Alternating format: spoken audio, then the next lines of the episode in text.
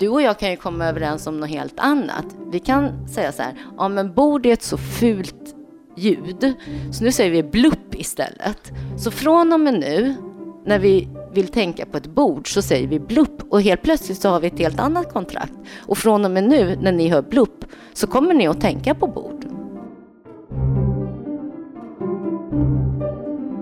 Satt i franska skola från barnsben av föräldrar som inte kan språket kallar sig Coco Norén för ett pedagogiskt experiment. Och ett rätt lyckat sådant. Idag är hon professor i franska vid Uppsala universitet och som forskare inom semantik vet hon mer än de flesta om vilken vikt ett enda ord kan ha. Om ett missförstått forskningsområde, franska som maktspråk och såklart om ost i det här avsnittet av Forskarpodden. Du lyssnar på säsongens sista avsnitt av Forskarpodden som görs för Uppsala universitet av mig Jonas Lövenberg och min kollega Niklas Norén. Välkommen! Det är en liten eh, ost med lite aska över som heter någonting så enkelt som sel sur chair. Mhm. Och sen så är det en camembert. Den här är lite finare för att den är opastöriserad och det skulle stinka lite så ni skulle bli lite rädda. Men annars så brukar det vara så att en hederlig camembert finns på alla fransmäns bord. Jag heter Coco Norén och jag är professor i franska och så är jag också dekan för språkvetenskapliga fakulteten. Och när jag forskar så forskar jag helst på små ord som bär mycket argumentation och det brukar vara konjunktioner eller adverb. Sel, sur, cher. Cell sur chair. Du hängde det- på ganska bra där ändå. Nej, Jag vet inte. Ja, ja, jag tyckte det. Det får Coco avgöra. Framförallt är det så enkelt att stava E S-E-L-L-E-S, nytt ord, S-U-R, nytt ord, C-H-E-R. Vad gör din forskning för nytta? Ja, den där frågan har jag ju liksom laddat för då här i 48 timmar. Jag tror man måste liksom förstå att språkvetenskap fungerar som vilken grundforskning som helst, eller en del av språkvetenskapen. Så det är klart det låter jätteknasigt så här att säga, jag håller på med ett adverb, vad kan det göra för nytta? Men man får liksom se att alla som håller på med språkvetenskap lägger liksom sin lilla byggsten till någonting större. Och många forskar ju på saker som är mer tillämpat. Vi brukar ta sådana här klassiska exempel som man vet att folk blir intresserade av, som läkarpatientsamtal läkar-patientsamtal eller eh, samtal på arbetsplatser eller politisk diskurs eller någonting liknande. Men för att komma dit så måste man också se liksom på de små orden och på hur man sätter ihop orden, hur man uttalar orden och så lite grammatik. Men det är ju intressant, som du säger, för jag tror att det är många som tänker så här, men herregud, hur, hur fungerar språkforskning, som du säger här, bara man tittar på ett litet ord kanske. Samtidigt så är ju det, eh, alltså, vad, vad skulle vi vara utan språket? Det är ju så oerhört centralt i precis allt vi gör hela tiden. Så det är väl klart vi ska forska på det. Om man tänker sig hur, liksom, hur mycket tid man ägnar åt att språka, vare sig man gör det i tal eller skrift per dag, så är det liksom lite konstigt att man inte förstår att det finns en sån enorm nytta med att undersöka och förstå språk närmare. Språkforskning och, och den typ av forskning du bedriver, hur upplever du att statusen är på den forskningen, alltså betraktat av någon slags allmänhet? Jag tycker att det finns en extrem okunskap om vad det är. Jag tycker att jag har mött väldigt, liksom, vare sig negativt eller positivt, utan liksom bara någon form av tom blick. Språkforskning, vad är det för någonting? Språkvetenskap ligger ju både granne med samhällsvetenskap, men även till exempel teknik, även medicin. Alltså det finns kontaktytor åt alla, vad ska vi säga, andra vetenskaper. Och lånar ja, om det är vi som lånar, det vet jag sjutton, men delar metoder med de andra vetenskaperna också.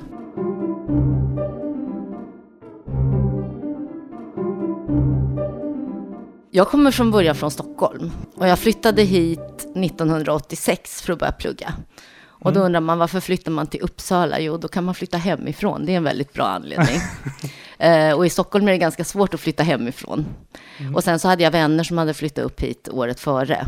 Fast de gick juristlinjen, vilket inte intresserade mig så mycket. Så jag började på kulturvetarlinjen. Och så trodde jag att jag skulle bli en stor tänkare. Och läsa massa litteratur.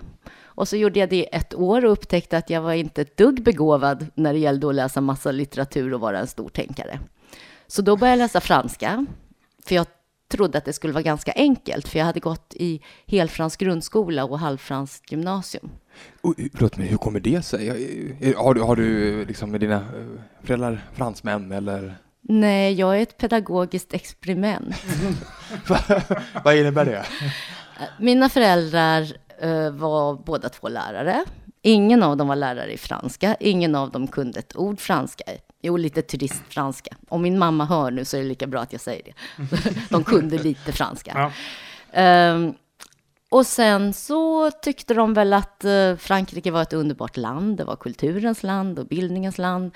Och så fanns det ju franska skolor i Stockholm och då prövade de det. Och så var det lite så där att vi ser hur långt det håller. Och för min del blev det hela grundskolan, men det var ju inte någon större succé där på slutet i nian kan jag ju erkänna. Och då gick jag över till det som heter Franska skolan, som är en svensk skola men med fransk profil. Men grundskolan gjorde jag bara på franska. Hur intresserad var du av franska då? Alltså fanns det något eget intresse för språket? Jag började när jag var fem år. Ja, men om vi tänker sen då när du hade eh, kapacitet att reflektera över det här, att du var med i det här experimentet. Vad, hade du något intresse för språket då? Eller hur, kom, liksom, hur blev du verkligt intresserad av själva språket? Alltså när jag gick ut gymnasiet då tänkte jag jag ska aldrig mer läsa ett ord på franska i hela mitt liv. Okay.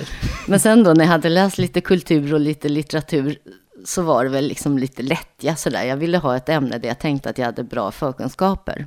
Och sen blev det en himla massa franska. Jag kom liksom aldrig på vad jag skulle göra när jag blev stor, så jag bara fortsatte. I brist på andra val.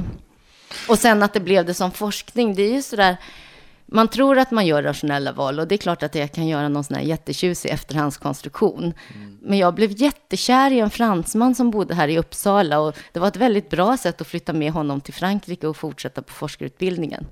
Sen dumpade han mig efter sex månader, det var ju mindre roligt, men då hade jag så mycket prestige i bagaget så jag vägrade att flytta hem på ett år. okay. Men sen så fick jag en mm. doktorandtjänst och så tänkte jag, ska jag vara papperslös invandrare i Frankrike eller ska jag åka hem och liksom ta mig i kragen. Så åkte jag hem och tog mig i kragen. Men, och varför, varför ville du forska då? För jag tänker det är massa andra saker man kan göra med franskan, antar jag, än, än att nödvändigtvis forska på den. Jag tror aldrig liksom att jag har tänkt, eller det tog väldigt lång tid innan jag började fundera på varför jag forskade. Jag bara undersökte saker för att jag tyckte att det var kul. Jag var inte så himla reflekterad. Jag tror att det kunde ha varit ganska mycket andra saker också om, om liksom det bara hade fört mig dit. Mm. Jag tycker, nu har vi ju bara pratat en liten stund här du och jag, men jag tycker det verkar som att du är så himla såld på språk. Ja, men det är jag. Har du varit det jämt? Ja, men det kan jag nog säga att jag har alltid liksom varit intresserad av språk. Men sen att det blev forskning är ju inte nödvändigtvis någonting som det leder till. Jag vet att jag var ju sånt här barn som liksom läste massa och skrev massa och satt, det här låter ju så väldigt nördigt, men jag satt med ordböcker och började från A och kollade alla ord som jag inte kunde och så bankade jag i mig dem och så svängde jag mig med dem. Så jag gick omkring och sa megalomani. Jag försökte hitta liksom sammanhanget att få säga hybris eller dikotomi eller någonting sånt där. Ja. Och vad är det med språket som fascinerar dig då? Att det är ett grundläggande sätt att reglera mänskliga relationer. Ja. det var ju väldigt, ett väldigt eh, konkret svar. Ja, och, och, och, och något särskilt med franskan då? Nej, det tror jag var just att jag blev satt i den här skolan när jag var fem år, så ja. att det var naturligt. Alltså, det, det finns ju en viss tjusning att göra någonting som man är hyfsat bra på. Ja, det gör det ju verkligen. Men du hade det, eh, säg att dina, dina föräldrar kanske hade varit väldigt förtjusta i, i Ryssland, så kanske du hade varit rysk, prof, ryska professor då? Ja, det skulle kunna vara ja, så. Ja. och då hade vi suttit här kanske och ätit borst. Kanske, Kanske, även om det tar lite emot att erkänna det, men det skulle kunna vara så. Ja, i ett parallellt universum. Mm. Ja. Eh, vi går vidare. Ja, men eh, vi undrar också då, liksom, hur går du tillväga när du forskar då? Nu måste jag ju liksom bara prata för min forskning, för det finns så otroligt många sätt att göra språkvetenskap på. Men ofta så snöar jag in på ett ord, mm -hmm. till exempel därför att eller framför allt eller sådana här uttryck som man pluttar in som gör att ett argument blir starkare eller svagare eller någonting liknande. Och så tar jag en himla massa text och så finns det gudskelov eh, dataprogram som gör att alla olika förekomster av det här uttrycket spottas ut i en lång lista, men också med sitt sammanhang. Och så tittar jag på i vilket sammanhang som man säger det här. Och då kan man titta liksom både det vi kallar formellt, så här, vilken typ av ord står före, vilken typ av ord står efter, eh, hur kan det kombineras med olika grammatiska konstruktioner. Men sen så tittar man ju framför allt på betydelsen. Det är ju det liksom man vill åt, det är liksom semantiken. Språkforskning, det kan vara, vara olika delar, eller hur? Det du, det du eh, forskar på handlar om semantik. Mm. Kan du berätta, vad, vad är de här olika delarna av, av liksom, om, om semantiken ena, vad är de andra delarna av språkforskning? Om man tittar på ljud och ljudanvändning, då är det fonetik och fonologi. Om man tittar på i vilken ordning man kan stoppa ihop saker, så är det syntax. Om man tittar på hur olika saker kan böja sig, då är det morfologi. Om man tittar på hur olika uttryck får olika betydelser i ett textsammanhang, kan man säga, så är det pragmatik. Om man tittar på hur det reglerar eh, mänskliga relationer så är det interaktion. Och då tittar man ju liksom på språkets olika nivåer, analysnivåer. Men sen så finns det ju jättestora delar som mer tittar på vissa typer av språkande. Jag menar, man kan hålla på med språkinlärning eller man kan hålla på med språkpolitik eller man kan hålla på med Ja, you name it, we got it. Det, det är liksom, ja. Om ni tänker er språk i massa olika sammanhang så kan man ju dels välja att titta på språket mer som en materia. Eller också mm. kan man titta på språket liksom i just det här sammanhanget. Vad är det för speciellt med språkandet här? Och, och det är det du gör? Alltså jag försöker göra båda. Det är bara det att det är väldigt sällan som jag kommer fram till det här med hur språket fungerar i en situation. Därför jag grottar ner mig i de här små orden. Rent teoretiskt är det så här att jag vill liksom hitta alla de här små byggstenarna mm. och se hur de blir större och större och större och större sjok och sen hur de används i faktiska situationer och hur liksom hela situationen påverkar språkandet. Men börjar man med ett litet ord så tar det fruktansvärt lång tid att komma fram till till exempel vad händer i politisk diskurs. Mm. Så det här är mer, vad ska jag säga, ett metodbygge som jag har abstrakt i min skalle. Mm. Det kanske inte alltid kommer ut så sen i min konkreta forskning. Okej, men nu, och det här semantik då, kan du förklara kort vad det betyder? Det som du ju sa förut att du liksom landar i. Det betyder bara vad ord betyder. Det betyder, okej. Okay. Men det behöver inte vara ord, det kan också vara liksom en hel mening. Vad betyder mm. hela den här meningen? Mm. Det är också semantik. Mm. Och, och, varför har du valt att eh, liksom fokusera på den här delen av språkforskningen? Därför jag tycker att oavsett vad man studerar så är det språkets betydelse som är grundläggande. I ord och yttranden så finns det en betydelse och det är den som man använder sig av sen när man använder språket i olika situationer. Så även om jag skulle vilja titta till exempel på, som jag då gör, ehm, hur argumenterar man i Europaparlamentet? Så om jag inte förstår språkets betydelse så kommer jag ju ingen vart. Det är ju det som är att språka, det är att skapa betydelse. Mm. Det förefaller på sätt och vis banalt. Alltså, vad, vad betyder för det, det, förstår vi ju hela tiden. Jag, jag pratar med dig och du förstår vad, vad, vad, det betyder. Men samtidigt så förstår jag också att det måste vara så mycket, mycket djupare. Alltså i nyanser och i sammanhang och... Det är det som är så fascinerande, att man kan liksom inte riktigt fånga betydelse och samtidigt så är det oftast ganska självklart när vi pratar med varandra. Mm. Men vi får ju också komma ihåg att det ofta ställer till saker. Alltså alla upplevelser av folk som inte förstår en eller som man blir ovän med eller man känner att det liksom finns något gnissel i relationen, då är det ju oftast för att man inte förstår varandra när man talar. Ibland så kan språkvetenskapen liksom låta så teknisk. Man säger så här, ja det är fonetik eller det är semantik eller det är pragmatik. Men om man säger till folk så här, det vi håller på med, det är kommunikation.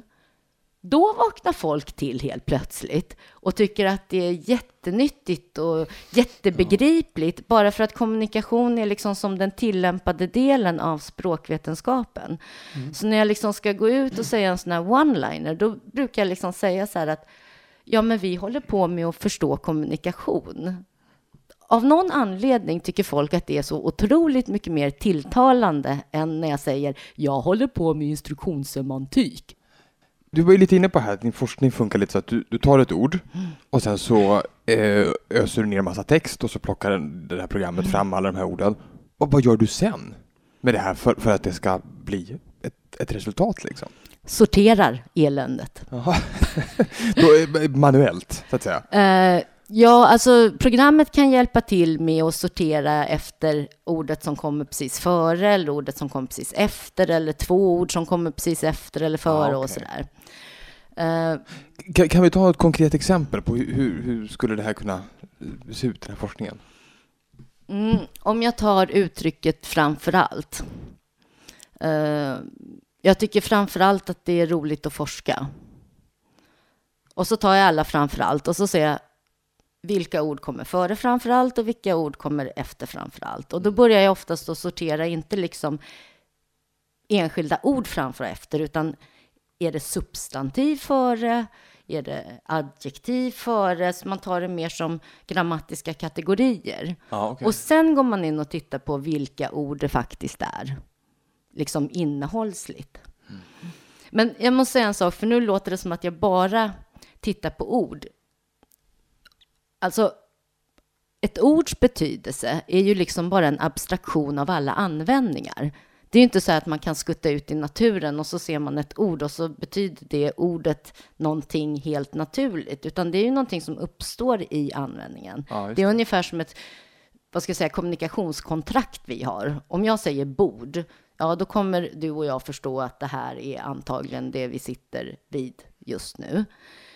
Men du och jag kan ju komma överens om något helt annat. Vi kan säga så här, ja men bord är ett så fult ljud, så nu säger vi blupp istället. Så från och med nu, när vi vill tänka på ett bord, så säger vi blupp och helt plötsligt så har vi ett helt annat kontrakt. Och från och med nu, när ni hör blupp, så kommer ni att tänka på bord. Ja, just det. så det är inte ja. så att de här ljudsträngarna betyder något i sig själva, utan de betyder ju saker bara i användning. Ja. Och för att förstå användning av ett ord eller en mening eller vad sjutton som helst, då måste man förstå sammanhanget. Så att jag, liksom, jag kan gå från ordet och försöka nå sammanhanget. Eller också så kan jag gå från sammanhanget för att förstå vad ordet gör. Så när jag tittar på till exempel Europaparlamentariska diskurser, då måste jag liksom begripa någonting om den typen av diskurs för att förstå ordet. Så då har jag liksom gått från två håll. Så att då kan man göra på ett annat sätt. Man kan ta den här diskursen och så kan man göra en textanalys utan att leta efter något speciellt och bara liksom tänka vad är det som verkar speciellt med just det här språkandet? Jag menar, en Europaparlamentarisk debatt kommer ju inte se ut som ett uh, matrecept. Det följer nej, nej, liksom lite tysta konventioner. Mm. Och så därför måste man gå liksom från båda hållen för att förstå någonting. Vi undrar ju liksom vilken makt eller kraft har ord här? Om jag säger så här, Jonas är här därför Koko pratar om sin forskning. Det låter ju ganska trevligt. Mm. Om jag säger så här, Jonas är här trots att Koko pratar om sin forskning. Ja. Det låter inte lika bra. Nej. Då har man vänt argumentationen totalt. Mm. Jag har gått från någon väldigt intressant person i första yttrandet och en ganska obehaglig typ i andra, om man ska mm. överdriva lite. Och det är bara lilla trots?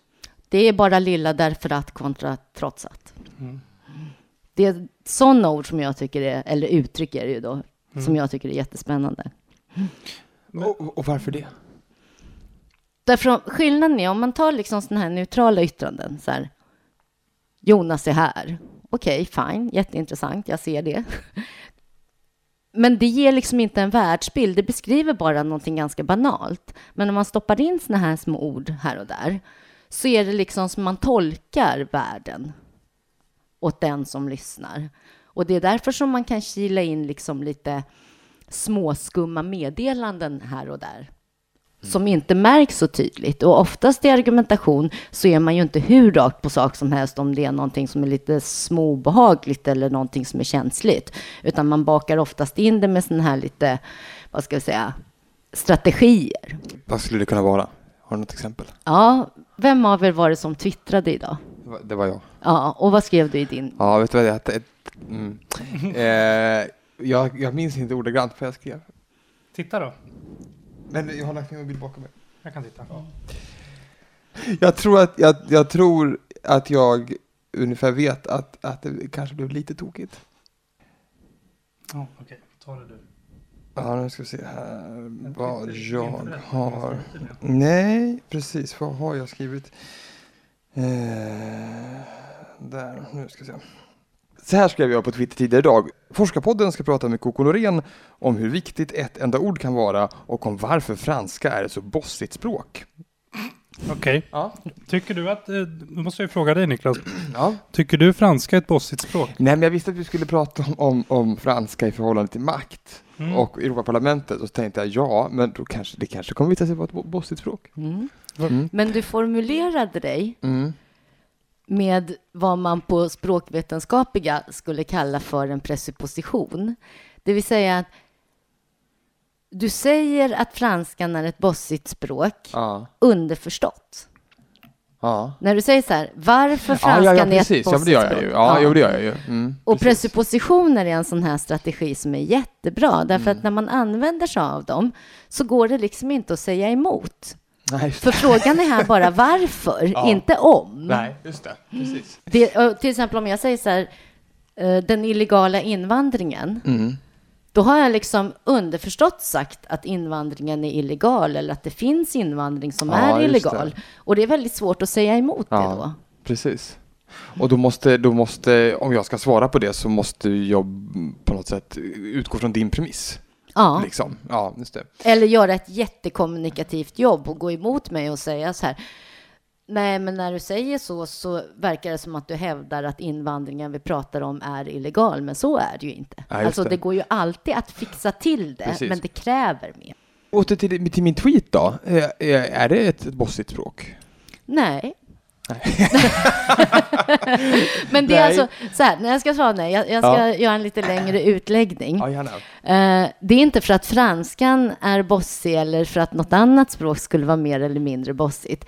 Det är så här att de här egenskaperna som man tillskriver språk tror jag inte finns överhuvudtaget. Jag tror inte man kan säga om ett språk som, som, vad ska vi säga, en uppsättning av ord och en uppsättning av regler som man kan sätta ihop ord med eller någon användning liksom av språket som ett kodsystem, om man så säger. Att det kan vara vare sig bossigt eller artigt eller fattigt eller ehm, elegant eller någonting liknande. Alla språk tror jag kan säga, alltså alla språk kan lösa sina kommunikativa problem. Det är bara det att man gör det på olika sätt. När man tycker att ett språk är bossigt, som jag kan förstå om man tycker att franskan är bossig, då är det ju liksom inte språket i sig självt, utan då är det ju liksom franskan som det har använts historiskt och politiskt. Man kanske tänker på franskan som ett kolonialspråk och som ett diplomatspråk och tidigare som postens språk. Men de här sakerna du, du pratar om, går de att skilja åt då? Eh, språket kommer väl, växer väl fram i någon kultur? Användningen kan ha varit bossig, men inte språksystemet. Är ett språk bossigare för att det finns fyra synonymer för ordet makt? Jag tror inte det.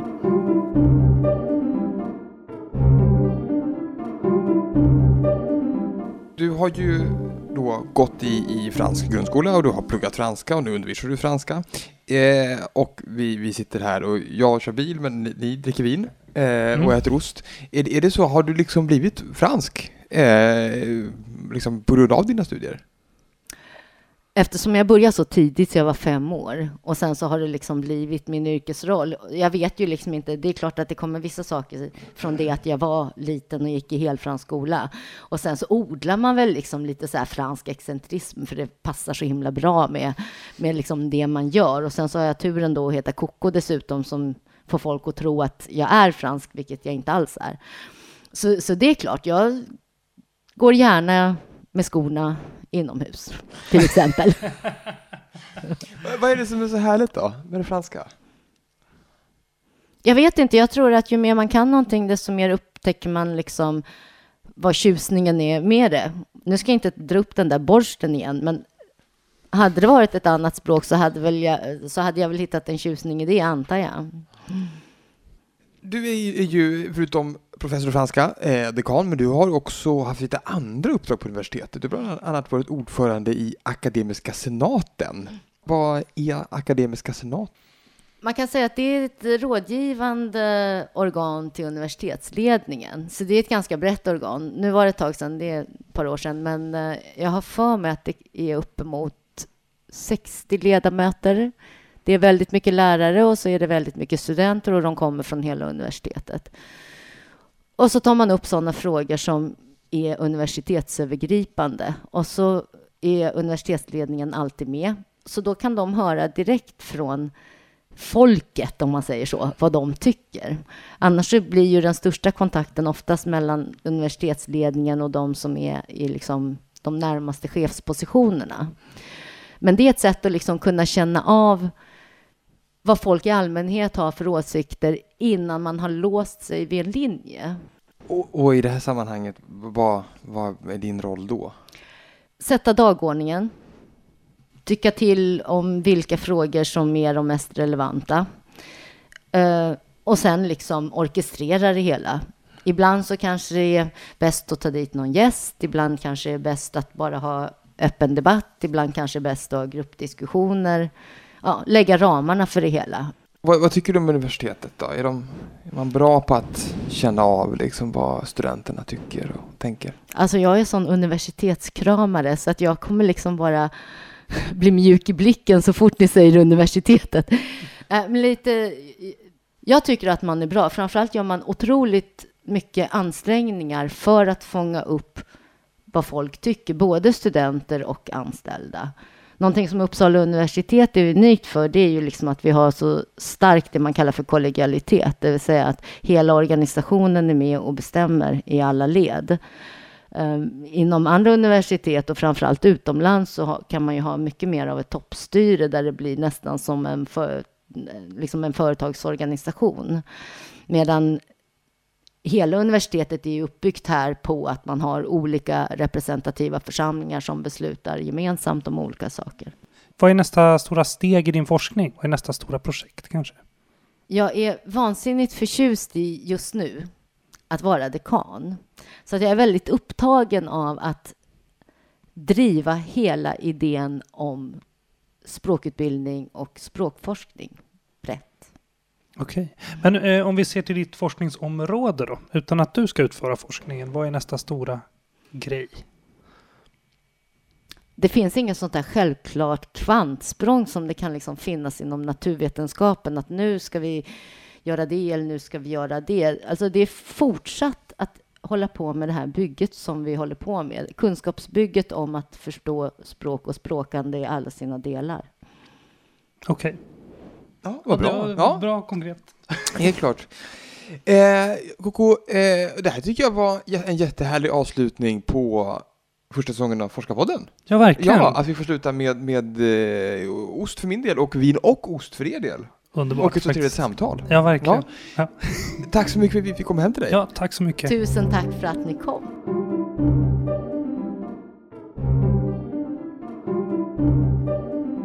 Du har hört säsongens sista avsnitt av Forskarpodden där vi träffade Coco Norén, professor i franska vid Uppsala universitet.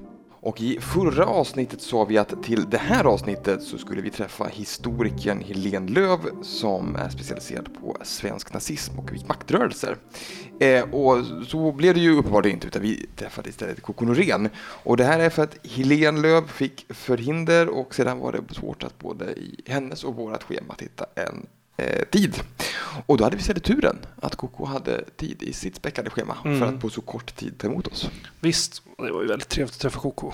Ja, det blev ett jättebra avsnitt. Eh, så att vi hade, eh, både vi och lyssnarna hade tur där, ja. att hon hade, hade tid för oss. Eh, och detta är ju då säsongens sista, det tionde och sista avsnittet av Forskarpodden. Eh, vad har varit eh, bäst, Jonas? med den här säsongen? Me- Menar du eh, vem som var roligast att träffa eller vad som var roligast att... för- ja, ja, men om, om vi, bäst roligast för dig då som, som var, Mhm. var ditt Ja, men för mig. Okej, jag, jag tror att jag har nämnt det tidigare när vi har pratat om det här, att jag tycker att det är jäkligt kul att få träffa de här människorna som är så himla bra på en sak.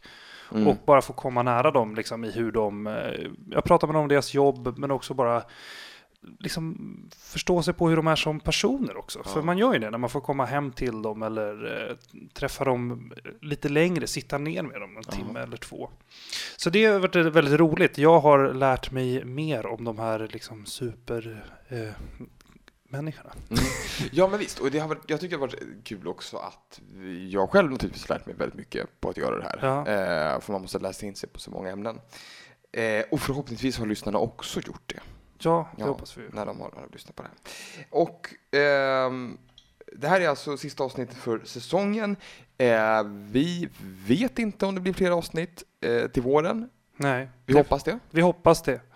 Eh, det, kan det känns väl så. Ja, det känns så. Och, det, och, de, ja, och, vi har fått väldigt positiv feedback från, från, Ja, från universitetet, så de Ja. tycker att det är kul. Men det, det är ändå ovisst. Vi går in i, i, i juletid här med ovisshet. Ja. Eh, men förhoppningsvis hörs vi igen. Och Jonas, kan vi lova lyssnarna någonting om vi är tillbaka till våren? Mm, ja, vi kan. Eh, det kan vi väl. Vi kan lova att eh, ni kommer träffa ännu fler väldigt spännande forskare. Mm. Men det är ju lätt att lova. Ja, det är lätt att lova. och vi kan lova att de får träffa oss också. Ja, Det är ännu lättare det lova. ännu lättare att lova. Ja. Men, men jag tänker att vi hoppas väl på att vi ska kunna komma med en ännu bättre ljudbild. Ja, alltså vi har, vi, ska, vi har ju uppgraderat tekniken här under mitt i säsongen. Mm. Eh, och vi jobbar vidare med att och liksom eh, finjustera den. Vi Ja. måste s- köpa lite mer prylar. Ja, lite mer tid. Och sen så tänker vi oss att vi kanske ska prata med Marcus Sjöblom eh, som har gjort vår musik och se om han kan fixa lite mer musik åt oss så Ja. ni får höra lite olika bitar bitar eh, till exempel. Och sen hoppas vi väl också att vi ska kunna göra program på kanske någon ny plats, något litet program. Ja. Eh, men det, det vet vi ju inte, det beror Nej. på vem vi bokar. Och kanske tema, jag tänker så här temaavsnitt också. Ja, Alltså kanske flera forskare kring ett ämne eller Mm. en händelse eller eh, men precis. ja, om, om ni som lyssnar tycker något om det här, om det låter bra, eh, aptitligt Mm. eller något sådant, så mejla oss på forskarpodden at gmail.com. Det går, går ju bra att twittra också och Ja. om man då skriver hashtag forskarpodden så kommer vi att se det. Mm. Och där, alltså önskemål om, om forskare och teman, eh, synpunkter på vad vi kan göra bättre. Ja, det vill vi också ha. Ja. Vi gör så gott vi kan här, men om ingen säger vad vi, vad vi eh, kan bli bättre på så är det svårt att, Ja, att bli bättre. precis. Det, så det. Så hör av er med det också. Jaha, Ja, men du, eh, då får, eh, då får vi tacka. då får vi tacka så himla mycket. Ja. Tack för att ni har lyssnat. Jättekul att få göra podd åt er. Ja, verkligen. God jul! Och god jul och gott nytt år. Ja, hej. Hej! Du har hört Forskarpodden, en produktion av Piggelkott Media för Uppsala universitet med musik av Marcus Sjöblom.